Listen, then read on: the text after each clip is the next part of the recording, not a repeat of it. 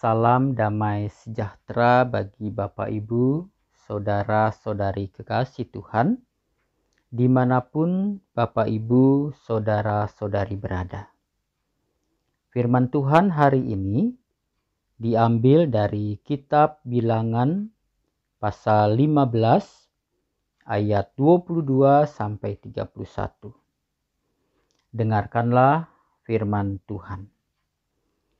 Apabila kamu dengan tidak sengaja melalaikan salah satu dari segala perintah ini yang telah difirmankan Tuhan kepada Musa, yakni dari segala yang diperintahkan Tuhan kepadamu dengan perantaraan Musa, mulai dari hari Tuhan memberikan perintah-perintahnya dan seterusnya turun-temurun dan apabila hal itu diperbuat di luar pengetahuan umat ini, tidak dengan sengaja, maka haruslah segenap umat mengolah seekor lembu jantan muda sebagai korban bakaran menjadi bau yang menyenangkan bagi Tuhan, serta dengan korban sajiannya dan korban curahannya sesuai dengan peraturan juga seekor kambing jantan sebagai korban penghapus dosa.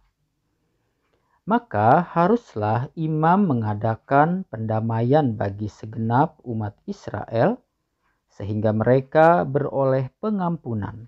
Sebab hal itu terjadi tidak dengan sengaja dan karena mereka telah membawa persembahan-persembahan mereka sebagai korban api-apian bagi Tuhan juga korban penghapus dosa mereka di hadapan Tuhan karena hal yang tidak disengaja itu. Segenap umat Israel akan beroleh pengampunan, juga orang asing yang tinggal di tengah-tengahmu, karena hal itu dilakukan oleh seluruh bangsa itu dengan tidak sengaja. Apabila satu orang saja berbuat dosa dengan tidak sengaja, maka haruslah ia mempersembahkan kambing betina berumur setahun sebagai korban penghapus dosa. Dan imam haruslah mengadakan pendamaian di hadapan Tuhan bagi orang yang dengan tidak sengaja berbuat dosa itu. Sehingga orang itu beroleh pengampunan karena telah diadakan pendamaian baginya. Baik bagi orang Israel asli maupun bagi orang asing yang tinggal di tengah-tengah kamu, satu hukum saja berlaku bagi mereka berkenaan dengan orang yang berbuat dosa dengan tidak sengaja. Tetapi orang yang berbuat sesuatu dengan sengaja baik orang Israel asli, baik orang asing. Orang itu menjadi penista Tuhan. Ia harus dilenyapkan dari tengah-tengah bangsanya. Sebab ia telah memandang hina terhadap firman Tuhan dan merombak perintahnya. Pastilah orang itu dilenyapkan, kesalahannya akan tertimpa atasnya. Saudara, demikian pembacaan Alkitab. Berbahagialah setiap orang yang mendengarkan firman Tuhan dan yang memeliharanya dalam hidupnya. Haleluya!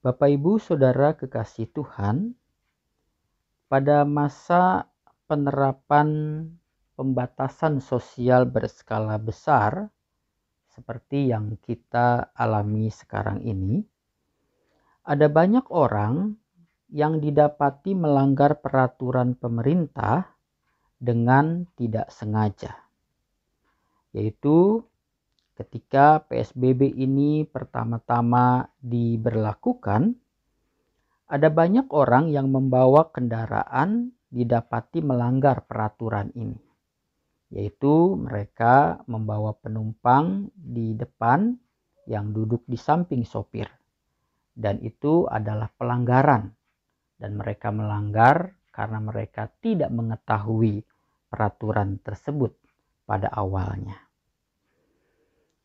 Tetapi juga saudara-saudara, sekarang ini ada banyak orang yang sudah mengetahui peraturan PSBB tetapi dengan sengaja mereka melanggarnya. Artinya mereka sudah tahu peraturan itu tetapi mereka tidak mengindahkan pemerintah dengan himbauan dan aturan yang ada. Saudara-saudara kekasih Tuhan, bacaan kita hari ini menyebutkan tentang sebuah aturan bagi umat baik perorangan maupun bagi seluruh bangsa bila melakukan dosa yang tidak disengaja dan peraturan untuk mereka yang melakukan dosa dengan sengaja. Dosa yang tidak disengaja adalah dosa yang dilakukan karena ketidaktahuan umat akan sebuah hukum, peraturan, atau ketetapan yang Tuhan berikan melalui Musa. Dan bila hal itu terjadi, maka Tuhan menyediakan anugerah pengampunan bagi umat dengan jalan mempersembahkan korban penghapus dosa kepada Tuhan melalui seorang imam.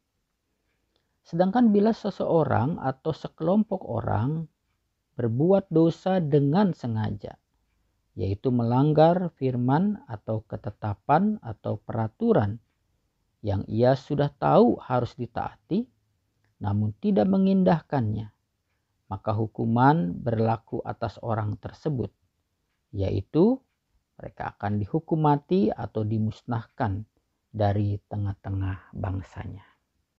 Saudara kekasih Tuhan, firman ini diberikan Tuhan melalui Musa agar umat tidak memandang remeh dosa. Bahwa dosa adalah hal yang serius di hadapan Tuhan dan harus diselesaikan. Tetapi Tuhan memberikan anugerah bagi orang yang tidak sengaja melakukan dosa dengan mempersembahkan hewan kurban agar dosanya diampuni.